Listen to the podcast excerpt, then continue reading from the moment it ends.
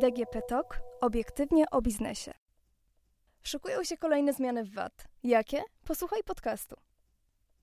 Nie będzie faktury bez NIP na paragonie. Znikną też tradycyjne deklaracje VAT. Prezydent podpisał ustawę, która wprowadza kolejne zmiany w VAT. Czy na lepsze? Tego dowiesz się z naszego podcastu. O jednolitym pliku kontrolnym było głośno już ponad 3 lata temu. Plik napakowany danymi o transakcjach okazał się na tyle wystarczającym narzędziem, że ustawodawca doszedł do wniosku, że nie potrzebujemy już deklaracji VAT. I dobrze, bo od 2020 roku poświęcimy mniej czasu na papierkową robotę i wszystko załatwimy za pomocą jednego pliku JPK. Dobrze znana przedsiębiorcom struktura JPK VAT ma zostać zmieniona. Choć nie znamy jeszcze jej ostatecznej wersji, wiadomo już, jakie dane będzie zawierała. Nowy JPK VAT sprawi, że przesyłanie deklaracji VAT nie będzie konieczne. Bywa, że dane, które znajdują się w JPK i w formularzu VAT powtarzają się, a przedsiębiorcy marnują czas dwukrotnie spowiadając się skarbówce. Wiemy na pewno, że nowy JPK VAT będzie musiał być uzupełniony między innymi o dane identyfikacyjne podatnika. Trzeba będzie wskazać także okres, za który składana jest deklaracja albo jej korekta. W nowym JPK VAT znajdziemy też informacje wskazujące na wysokość podatku tej części uwzględnimy także preferencje w rozliczeniu VAT i wskażemy ulgi, np. na zakup kasy fiskalnej. Tak zwana część ewidencyjna ma odzwierciedlać historię dokonanych transakcji. Znajdą się tam daty zakupu i sprzedaży i przypisane do nich odpowiednie stawki podatku.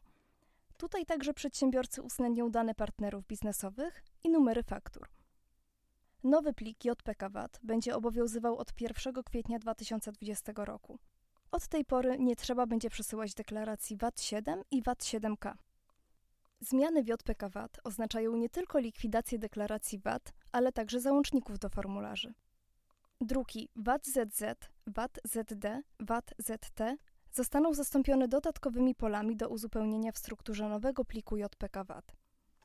W tym miejscu warto wspomnieć o terminach. Wszyscy VAT-owcy muszą raportować dane w ramach JPK VAT każdego miesiąca, obowiązkowo bez specjalnego wezwania skarbówki. Deklarację VAT można składać co miesiąc lub co kwartał. Podatnicy, którzy wybiorą rozliczenie kwartalne, co miesiąc będą przekazywać część ewidencyjną JPK. Oznacza to, że nie będą musieli już przesyłać obecnego pliku JPK VAT. Prześlą samą ewidencję VAT, ale w nowej formie.